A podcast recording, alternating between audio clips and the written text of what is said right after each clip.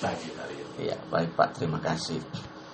Baik, mari sahabat pendengar setia Ananta Praja 99.9 FM sebelum kita mendengarkan firman Tuhan kita berdoa terlebih dahulu. Bapak kami mengucap syukur, terima kasih buat hari yang baru di bulan yang baru 1 Mei ini.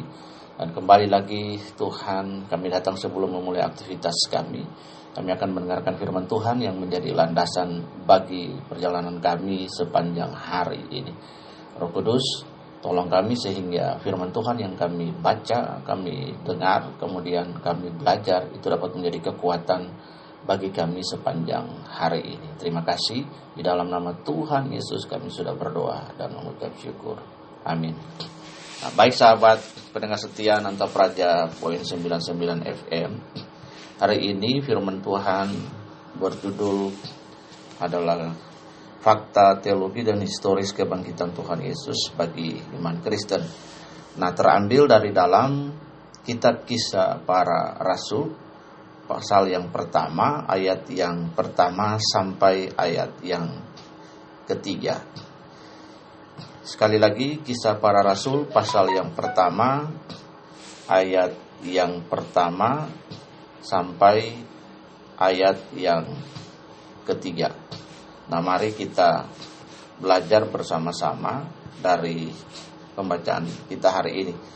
Bapak Ibu pendengar dapat mengambil Alkitab, kemudian eh, catatan, kemudian duduk di tempat yang nyaman, lalu kita akan melakukan pembacaan. Roh Kudus dijanjikan, Hai Theophilus, dalam bukuku yang pertama, aku menulis tentang segala sesuatu yang dikerjakan dan diajarkan Yesus. Sampai pada hari ia terangkat, sebelum itu ia telah memberi perintahnya oleh roh kudus kepada rasul-rasul yang dipilihnya. Kepada mereka ia menunjukkan dirinya setelah penderitaannya selesai. Dan dengan banyak tanda, ia membuktikan bahwa ia hidup. Sebab selama 40 hari berulang-ulang ia menampakkan diri dan berbicara kepada mereka tentang kerajaan Allah. Nah Bapak Ibu sahabat yang dikasihi oleh Tuhan Yesus sekali lagi Hari ini kita akan belajar tentang fakta teologis dan historis kebangkitan Kristus Yesus bagi iman Kristen. Kita langsung kepada ayat yang ketiga. Dalam ayat ketiga ini ada beberapa poin yang akan kita ekstrak dan kemudian menjadi kekuatan yang akan mengempowering kita di dalam kita uh, mendrive hidup kita sepanjang hari ini until we pass this day in the night. Nah, sahabat yang dikasihi oleh Tuhan. Yang pertama adalah bahwa kepada mereka poin yang pertama, kepada mereka ia menunjukkan dirinya setelah penderitaannya selesai. Bapak Ibu, para pendengar setia menentang Praya 9.9 M dan umat yang dirahmati oleh kasih karunia. Poin pertama ini dari kebangkitan Kristus maka fakta teologis dan historisnya bagi kita di situ kita melihat ia menunjukkan dirinya setelah penderitaannya selesai. Jadi after the resurrection of the Jesus Christ, maka yang pertama ia menunjukkan dirinya after all the sufferings. Jadi yang pertama setelah kebangkitan maka harus ada fakta bahwa benar-benar ia bangkit. Karena itu Jesus saw his own self for his disciples, his own disciples. Yesus menunjukkan dirinya kepada murid-muridnya. Ini adalah sebuah fakta. Nah, fakta itu harus disertai dengan bukti. Jadi bukti dari kebangkitan Kristus adalah the proof of the resurrection from the Jesus Christ. Buktinya adalah he saw his own self to his disciples. Bapak Ibu dalam pengadilan ada sebuah asas yang bernama unus testis nulus testis yang artinya satu saksi bukanlah saksi. Di sini kita melihat bahwa Alkitab menjadi saksi dan bahkan para murid lebih dari satu orang menjadi saksi 40 orang lebih menjadi saksi para murid kemudian Lukas dan Kleopas dalam perjalanan ke Emmaus para wanita yang tetap yang juga menyaksikan fakta. Dan kemudian ada Thomas yang menjadi fakta lebih dari satu orang belasan bahkan sampai puluhan orang menjadi saksi Bapak Ibu. Saksi adalah orang yang menyaksikan kebangkitan Kristus menyaksikan peristiwa itu benar-benar terjadi dan di sini kita melihat bahwa Theophilus itu mencatat secara kronik yang pertama bagi iman Kristen adalah Bible give a proof for us, Alkitab memberikan bukti bagi kita as a bahwa Yesus itu bangkit. Kalau dia bangkit, dia tidak menunjukkan dirinya bagi murid-muridnya, maka hoax yang disebarkan oleh para imam-imam kepala Yahudi dan tentara Romawi bahwa tubuh Yesus dicuri oleh murid-murid itu akan menjadi sebuah pembenaran. Karena kita tahu bagaimana pernyataan uh, kalau tidak salah itu di zaman nasi itu ada sebuah idiom sebuah frasa yang berkata bahwa jika suatu keben, suatu kebohongan itu disebarkan secara terstruktur masif dan sistematis itu berulang-ulang maka itu akan menjadi sebuah kebenaran orang akan menerima sebuah fakta bahwa benar yang dikatakan oleh tentara Romawi dan juga dengan para ahli Farisi imam-imam kepala bahwa tubuh Yesus, jenazah Yesus itu dicuri. Nah, dicuri oleh para murid. Secara logika bagaimana tubuh dan jenazah Yesus itu dicuri sedangkan itu ditutup, disegel dengan batu besar, dijaga oleh tentara Romawi di situ. Nah, karena itulah fakta bagi iman Kristen ia menunjukkan diri kepada murid-murid lebih dan 40 lebih karena kita lihat nanti di bagian berikut ada 40 hari 40 days again and again Jesus shows his own self for his disciple for his followers. Itu fakta iman Kristen. Jadi Bapak Ibu fakta ini meneguhkan kembali lagi iman Kristen kita untuk terus mendaraskan iman kita penghayatan kita pengikutan kita kepada Kristus Yesus bahwa fakta.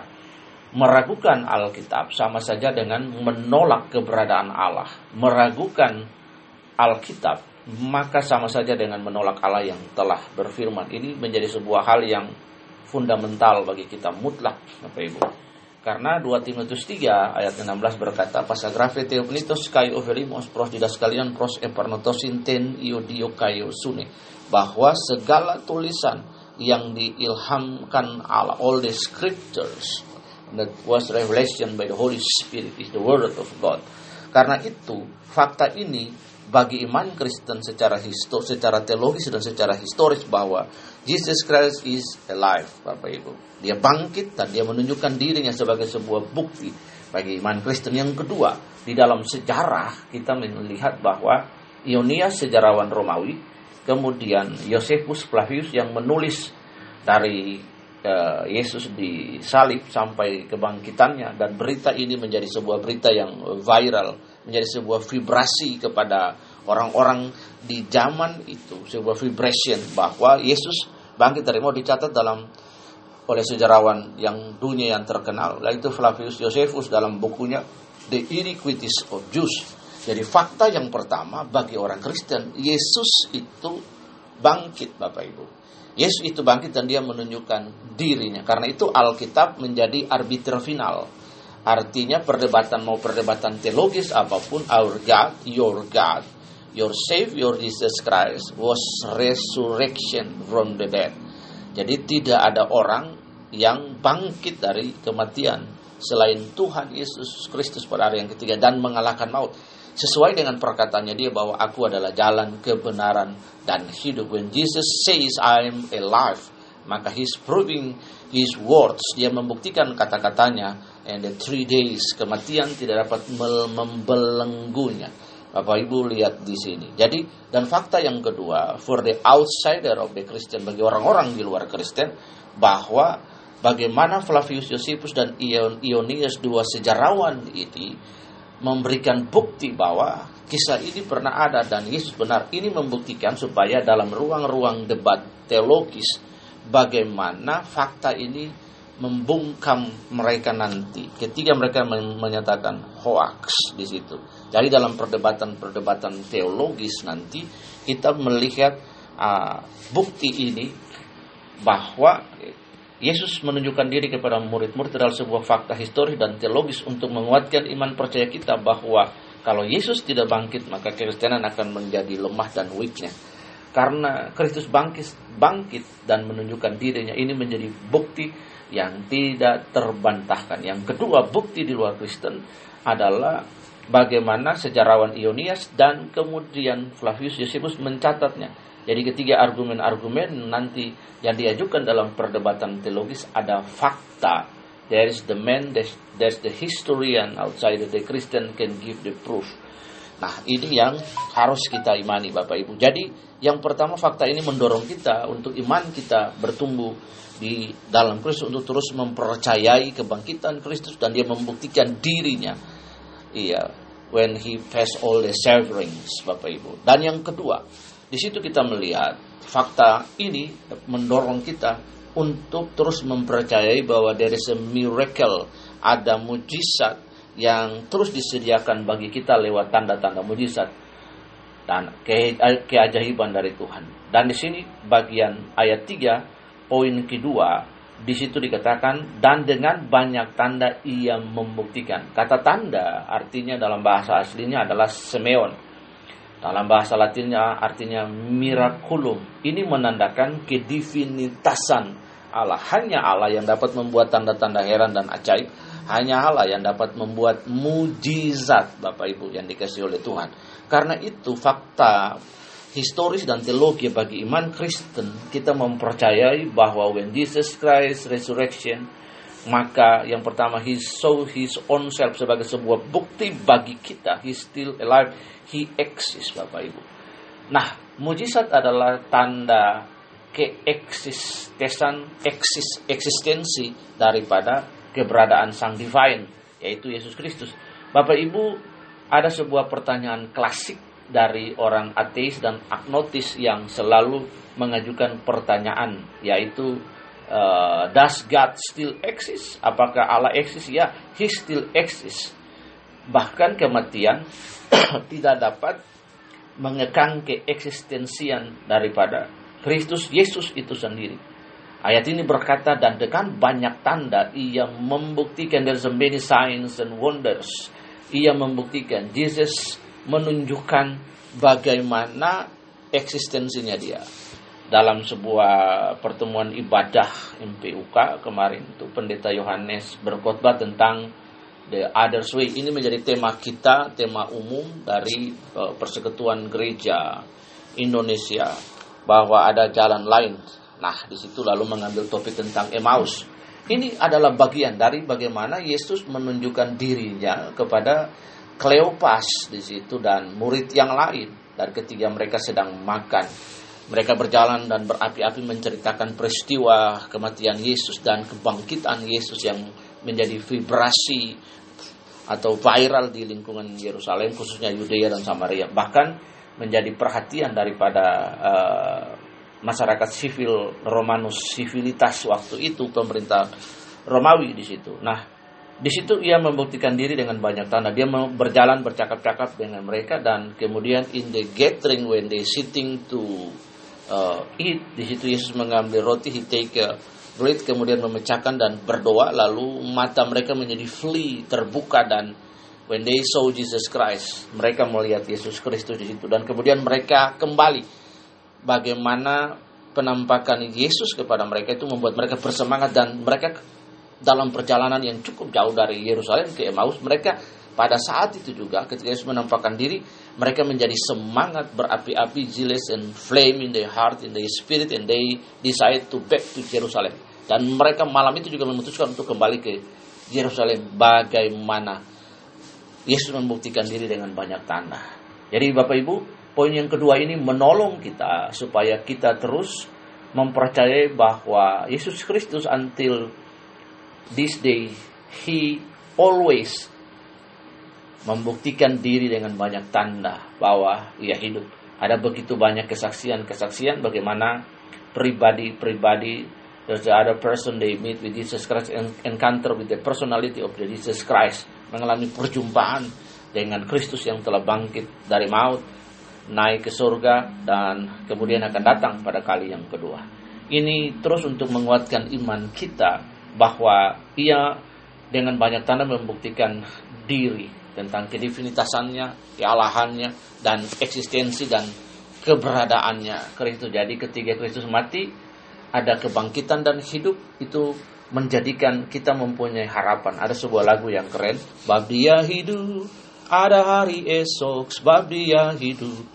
Ku tak gentar karena ku tahu dia pegang hari esok. Hidup jadi berarti sebab Yesus hidup. Nah, ia membuktikan yang ketiga adalah bahwa ia hidup, he still alive. Ada sebuah lagu dari Eh, penyanyi gospel dunia yang bernama Ron Kenoli dari Integrity Hosana Musik. Itu bagus sekali. Jesus is alive. Jesus is alive. He is alive. Jesus is alive. Jadi dia hidup Bapak Ibu. Jadi Tuhan Yesus bangkit mengalahkan kematian. Jadi ketika dia berkata bahwa aku adalah jalan kebenaran dan hidup kematian, hukum alam tidak dapat mengikat mengekang karena dia Tuhan atas kematian dan atas kehidupan alam maut tidak dapat mengekang diri Tuhan Yesus Bapak Ibu dan dia bangkit dan kebangkitannya itu menjadikan kekristenan begitu powerful dalam pengharapan dan iman kita terutama pengharapan eskatologi kita kepada Yesus. Bahwa ia hidup. Bapak Ibu sedang mempercayai berjuang menyembah mengabdi kepada Kristus yang hidup. Allah kita adalah Allah orang hidup Bapak Ibu. Yang ketiga, kita melihat di sini tentang sebab selama 40 hari ia berulang-ulang menampakkan diri dan berbicara kepada mereka kerajaan Allah.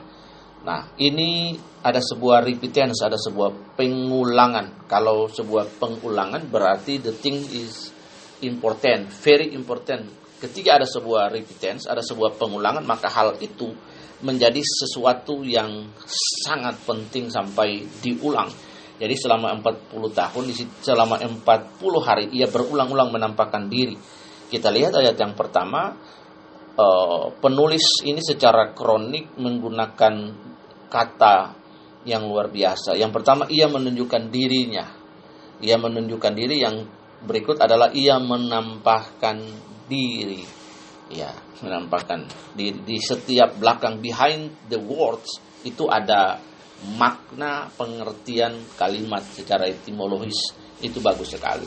Nah kita lihat di sini sebab selama 40 hari ia berulang-ulang menampakkan diri dan berbicara kepada mereka about the kingdom of God. Secara sederhana saya mau sampaikan beberapa hal. Bapak Ibu, poin yang terakhir ini manusia hidup dalam kalender Masehi Ya, kalau kita di Bali ada 304 320 hari. Kemudian kalender Masehi kita itu 30 hari bahkan 31 dan hanya satu bulan yang 28 hari yang kita sebut tahun kabisat artinya tahun yang habis dibagi empat dan peristiwa ini pun terjadi di Ayalon di mana matahari terbenam terlambat dalam peristiwa Yosua mengalahkan orang Amalek dan ini dicatat dalam sejarah dan akhirnya menjadi bulan Februari di situ. Nah, Bapak Ibu, kalender hidup manusia itu 30 atau 31 hari. Itu adalah kalender manusia. Tetapi di sini 40 hari berbicara tentang divine number, Bapak Ibu. Divine number, divine number. Nah, kita lihat bagaimana Musa 40 hari di Gunung Sinai ketika menerima Torah. Kemudian Yesus puasa 40 hari 40 hari juga kemudian itu kita setelah kebangkitan Yesus kita tunggu sampai kenaikan Tuhan Yesus. Jadi 40 days symbolize a divine days. Jadi ada 10 hari perjalanan hidup manusia 30 hari, kemudian ada 10 hari itu menjadi divine weeks, divine days. Nah, ini membuktikan bahwa Kalaupun kita menjalani hari-hari hidup kita 30 hari jangan takut ada 10 hari di mana 10 hari itu yang tidak ada di dalam kalender Masehi. 30 hari itu tidak tercatat dalam siklus hidup kita.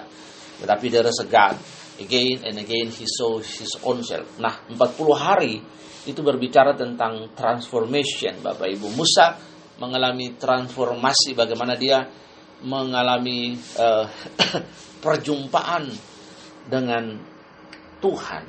Bagaimana transformasi Musa mengalami perubahan ketika dia menerima dua loh dan kemudian dia mengalami berjumpa dengan Tuhan. Transformasi Yesus juga ketika menghadapi uh, pencobaan dan kemudian dengan telak mengalahkan iblis setan di padang gurun dalam Matthew chapter 4 di situ kita melihat ada transformasi hidup. Jadi siklus 40 hari itu adalah the divine cycles Bapak Ibu. The divine cycle days. Nah kita lihat Nah, kemudian 40 hari. Jadi 40 hari di situ kalender Masehi kita. Karena itu Allah, Bapak Ibu, ada di dalam waktu. Allah ada di dalam waktu supaya dia dapat bekerja. Sebabnya Roma 8 ayat yang ke-28. Tuhan Allah bekerja dalam segala hal untuk mendatangkan kebaikan bagi setiap kita.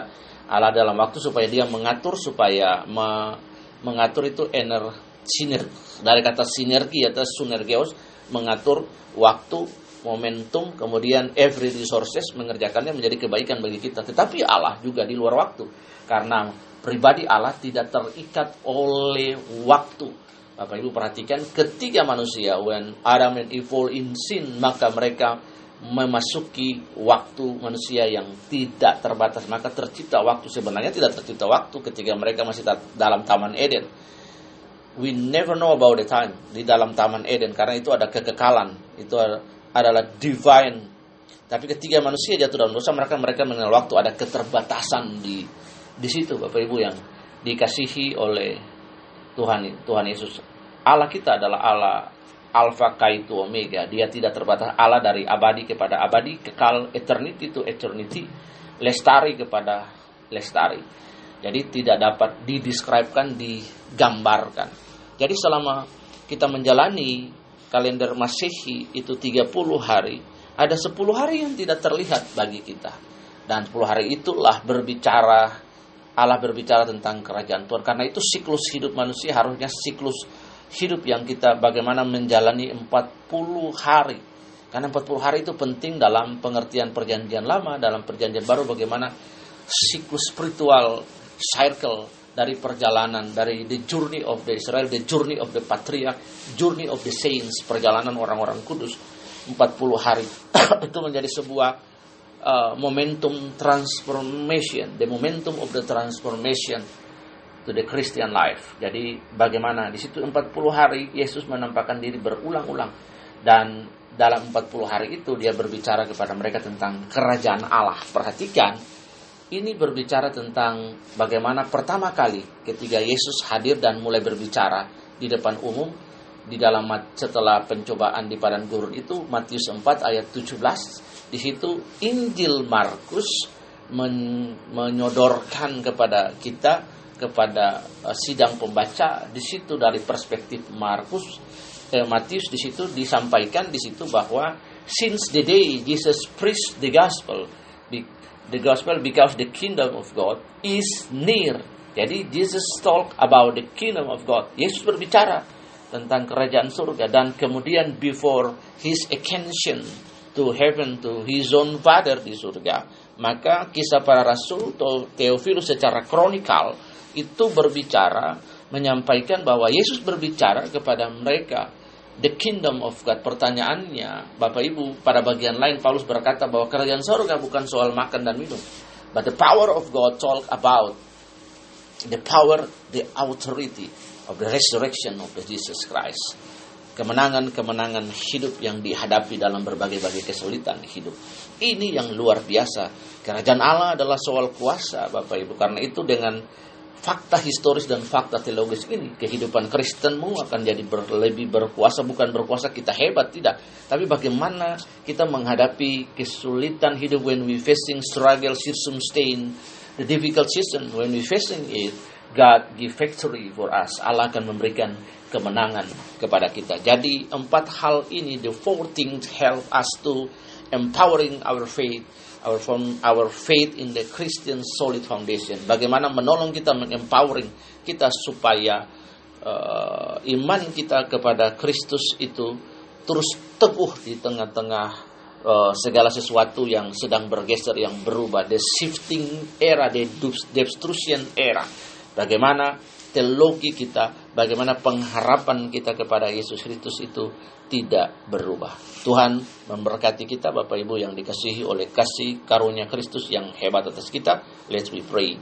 Bapak kami berdoa di dalam nama Tuhan Yesus terima kasih kami telah mendengarkan firman Tuhan yang pertama adalah bahwa Yesus bangkit dan his show his own self for his followers and his disciples. Ini menjadi bukti bahwa itu bukan berita hoax tapi Tuhan sebuah truth, sebuah kebenaran dan there is the many watcher. Ada banyak saksi yang menyaksikan kebangkitan itu di dalam orang Kristen sendiri dan kemudian outsider the Christians bagaimana Josephus dan Flavius mencatat itu dalam buku sejarah yang tidak terbantahkan. Yang kedua adalah dia membuktikan diri dengan banyak tanda. Kami percaya kebangkitan Kristus Tuhan kami mengimani itu dan kami percaya kebangkitan itu memberikan kami kemenangan. Ada banyak tanda-tanda signs and wonder and miracle will coming in our daily life. Dan yang berikut Tuhan secara 40 hari Yesus berulang-ulang ini adalah sebuah masa transformasi di dalam nama Tuhan Yesus. Ketiga kami, waktu kami adalah 30 dan 31 hari, tetapi 10 hari tidak terlihat. Dan Yesus berbicara tentang kerajaan surga.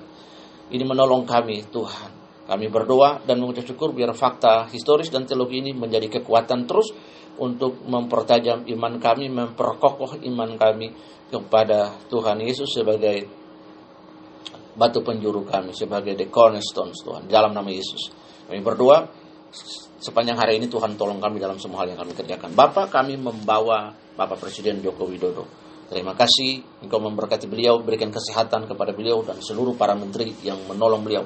Memberkati Tuhan para menteri yang ada. Memberkati Panglima TNI, memberkati Kapolri, Tuhan memberkati Jaksa Agung, Tuhan dan semua yang terlibat, Panglima TNI, para menteri-menteri Tuhan. Memberkati mereka di dalam nama Tuhan Yesus untuk memimpin bangsa ini ke arah yang kau kehendaki. Kami tidak berdoa supaya tidak ada chaos, ekonomi maju, bertumbuh dan lain sebagainya. Memberkati Tuhan, gubernur kami, Tuhan memberikan hikmat dan kekuatan yang jauh melampaui segala akal bagi bawah yang koster dalam memilih bertindak memutuskan Tuhan. Terima kasih berikan kesehatan untuk memimpin Bali sehingga Bali menjadi jauh lebih baik ekonomi cepat pulih Tuhan dan Tuhan kami berdoa supaya speed recovery our economic God will grow Tuhan in this year. Di dalam nama Tuhan Yesus kami berdoa memberkati Tuhan Eti, Tuhan Regensi, Tuhan memberkati 8 kabupaten Tuhan satu kota Madia, Tuhan tolong para bupati yang ada untuk bersama-sama memajukan daerah-daerah mereka dan kemudian dia membawa dampak bagi Pulau Bali memberkati Tuhan kota kami, kabupaten kami Jembrana, 42 desa, Tuhan memberkati 9 kelurahan, Tuhan menolong. Kami membawa Tuhan Bapak Inengatama SH ke dalam tanganmu dan Bapak Patriana ke dalam tanganmu. Mereka bekerja, Tuhan berikan kesehatan bagi mereka, Tuhan berikan kekuatan bagi mereka kerahayuan, kerajangan, hikmatmu untuk mengatur, mengelola tata kelola pemerintahan yang ada Tuhan di dalam sehingga kami dapat melampaui pencapaian-pencapaian ekonomi dan MDGS yang baik. Di dalam nama Tuhan itu speed recovery, Tuhan ekonomi speed recovery bagi kota Jembrana, bagi Jembrana Tuhan dari Pekutatan sampai Gilimanuk. Kau memberkati seluruh perangkat SKPD yang ada mereka bekerja sebagai pelayan rakyat, melayani rakyat dengan baik dan benar. Tuhan memberkati lurah, lurah, camat-camat. Engkau memberkati semua. Terima kasih Tuhan hari ini. Jalan santai yang dibuka oleh Bupati juga kami berdoa Tuhan tolong Tuhan berkati semua. Tuhan berkati Pak. Tuhan pandai dengan seluruh staf yang ada teman-teman di radio. Tuhan berikan kerahayuan, kerajengan, berikan kesehatan, berikan rezeki kepada mereka. Tuhan tolong mereka dalam semua hal yang mereka hadapi. Di dalam nama Tuhan Yesus berkati radio ini bertumbuh berkembang menjadi sumber main resource information for all the civilians in Jembrana. Di dalam nama Yesus kami berdoa dan mengucap syukur untuk hari ini Tuhan apa pun yang mereka kerjakan diberkati. Karena itu mari angkat tangan dan terima berkat Tuhan jemaat Tuhan. Kasih karunia Allah yang jauh melampaui segala roh hikmat akal pikiran menolong dan memberkati kami sepanjang hari ini. Berkat Tuhan, penyertaan, pertolongan Tuhan, apa yang tidak pernah dilihat, didengar, yang timbul hati itu Tuhan kerjakan bagi setiap orang yang percaya kepada Tuhan Yesus. Engkau akan mengalami mujizat, tanda-tanda heran akan terjadi dalam hidupmu. Kuasa kebangkitan Kristus memerdekakan hidup untuk melihat hal-hal yang besar. Di dalam nama Tuhan Yesus kami sudah berdoa dan terima berkat. Haleluya. Amin.